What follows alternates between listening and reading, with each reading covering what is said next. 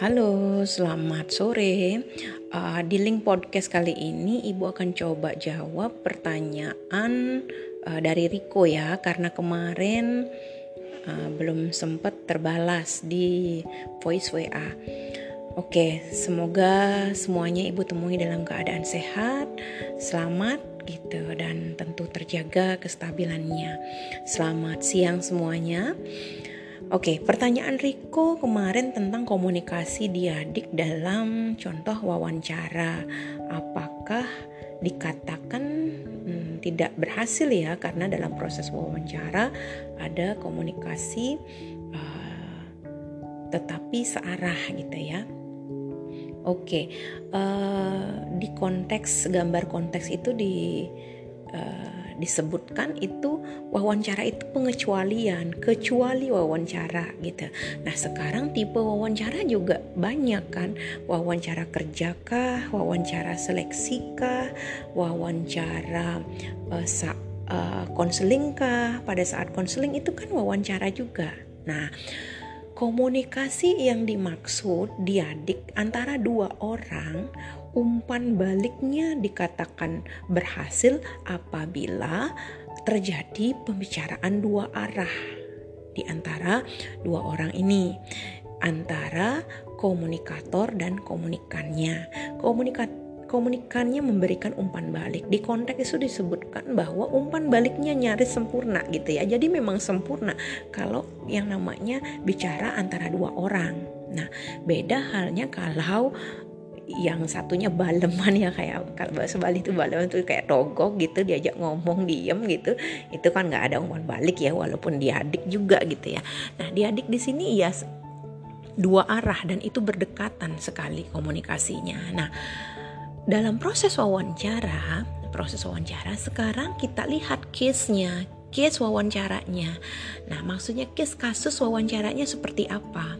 Nah, kalau misalnya wawancara kerja, biasanya kan ada tim uh, recruiter yang akan mewawancara kandidat gitu ya. Jadi, ada tim pewawancara yang akan mewawancarai. Jadi, setiap kali bertanya uh, tinggal dijawab, kan seperti itu ya tetapi komunikasinya uh, umpan balik yang ditimbulkan mungkin tidak berdekatan atau tidak ada intimasi di dalamnya dan uh, seperti kaku gitu ya. Jadi kalau ditanya kamu dari mana, apa kelebihan dan kekuranganmu sehingga kamu bisa daftar di sini gitu ya, daftar menjadi karyawan di sini. Nah, jadi apa yang ditanyakan sebatas itu yang dijawab kan seperti itu di wawancara.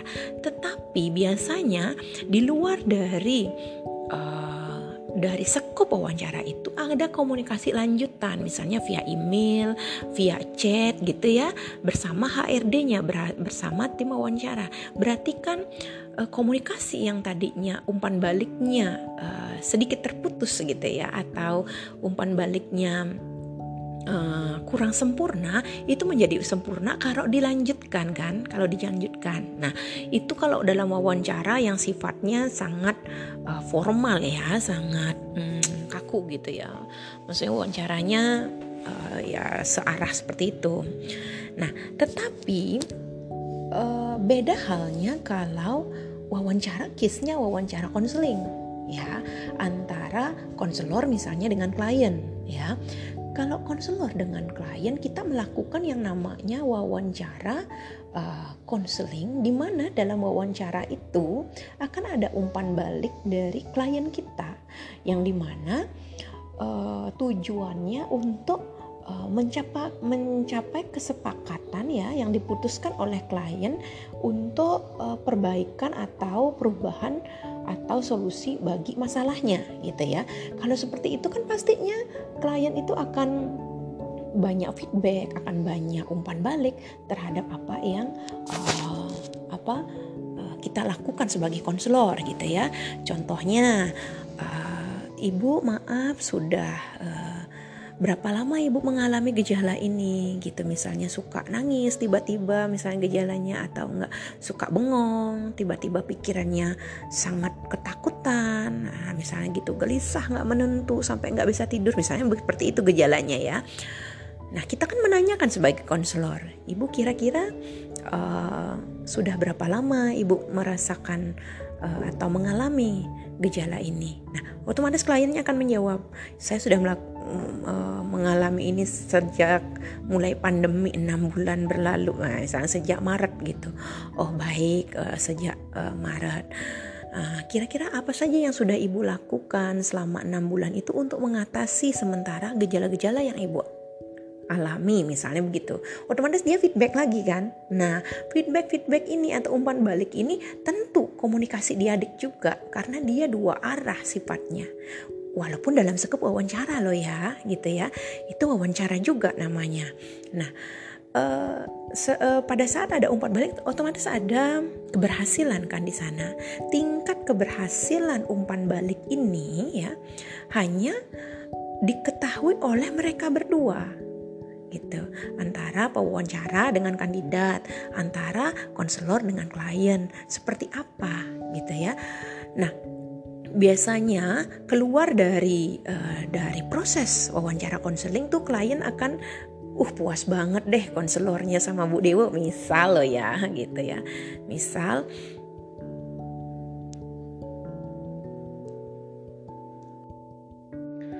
Oke, gitu sampai uh, sampai mana ya tadi ya? Maaf tadi ada telepon. Jadi uh, pada saat klien merasakan kepuasan misalnya ya, wah senang banget nih setelah konsul jadi uh, ada apa namanya? Uh, ada pencerahan misalnya kayak gitu. Itu kan umpan balik juga gitu dari lanjutan dari komunikasi di adik yang tadi sifatnya diwawancara gitu. Uh, jadi um, keberhas uh, uh, bukan dikatakan tidak berhasil ya, tetap ada keberhasilan, tetapi entitas dan kualitas dari keberhasilan itu tergantung case-nya gitu ya. Jadi banyak sekali sekarang karena banyak sekali tipe-tipe wawancara yang dimaksud seperti itu. Kira-kira seperti itu Riko, semoga memuaskan ya jawaban Ibu. Kemudian ibu lanjutkan dengan pertanyaannya Francisca Dioni ya. Jadi Francisca menanyakan bagaimana cara komunikan uh, kita mengetahui bahwa kalau komunikan itu melakukan umpan balik seperti itu ya.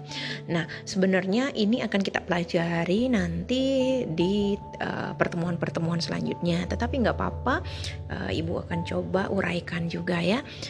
Bagaimana caranya? Nah, sebagai contoh pada proses pembelajaran, kita bicara pembelajaran daring aja seperti ini ya. Pada saat uh, contohnya pada saat ibu memberikan materi-materi, memberikan kemudian um, penjelasan dari materi tersebut ya. Kalian sebagai komunikan akan memahami terlebih dahulu, mempelajari terlebih dahulu, meresapi materi yang akan ibu yang sudah ibu berikan. Ya, pada saat kalian sudah uh, mempelajari itu, akan ada umpan balik tambahan. Itu bisa kita lihat dari contohnya kalian bertanya seperti ini ibu jadi mengetahui, ibu mengetahui bahwa komunikan memberikan umpan balik atas apa yang kita sampaikan ya seperti itu.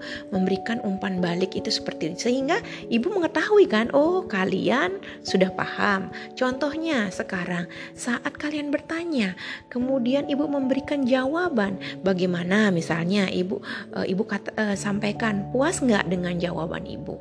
Kalian uh, akan memberikan respon misalnya dengan menganggukkan kepala dengan menjawab iya bu puas bu. Dengan mungkin menjawab chat atau apa. Berarti berarti kan ada umpan balik dari apa yang sudah ibu sampaikan ya.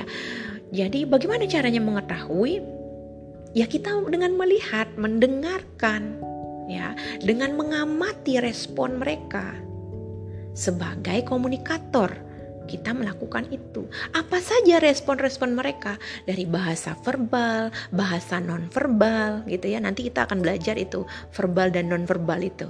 Karena yang namanya menganggukkan kepala pun ya, itu adalah reaksi uh, non-verbal gitu ya, bahwa dia tandanya mengerti atau mengancungkan jempol ya tanda jempol seperti ini ya mungkin kan nanti kalau kalian offline bisa lihat ya jempolnya di di like like gitu seperti kalian nge like postingan temen di sosmed gitu ya nah itu tandanya mungkin kalian juga mengerti Seperti itu. Jadi um, bagaimana kalian uh, kita mengetahui ya dari mengamati dengan melihat, mendengar, merasakan gitu kita jadi mengetahui ada umpan balik ya. Uh, contoh lain lagi dalam proses pembelajaran. Nah, setelah kita memberikan materi-materi kemudian dilanjutkan dengan ulangan. Ujian misalnya ujian tengah semester, ujian akhir semester, terus ada hasil yang keluar. Uh rata-rata hasilnya mungkin 80 90 80 90 itu artinya umpan baliknya feedbacknya bahwa mahasiswa telah mengerti dengan materi yang kita sampaikan sebagai pengajar gitu ya. Kalau nanti hasil ulangannya uh, ujiannya uh, nilainya uh, 50 40 30 bahkan ada yang nol misalnya. Nah berarti sebagai pengajar uh, kita gagal menyampaikan informasi, gagal menyampaikan materi. Nah, kalau sudah gagal menyampaikan materi, umpan baliknya itu dari hasil ujiannya. Nah, seperti itu. Itu contohnya. Jadi bisa juga dari dari soft, software ya, apa? Software, hardware gitu ya. Itu umpan balik hardware berupa media gitu. Uh, banyak sih nanti yang bisa kita bahas di di KAP. Ya seperti itu ya Francisca. Mudah-mudahan ibu hanya bicara kasuistik di lapangan ya. Jadi contoh-contoh agar kalian lebih mudah mengerti gitu. Itu saja yang bisa ibu sampaikan. Selamat siang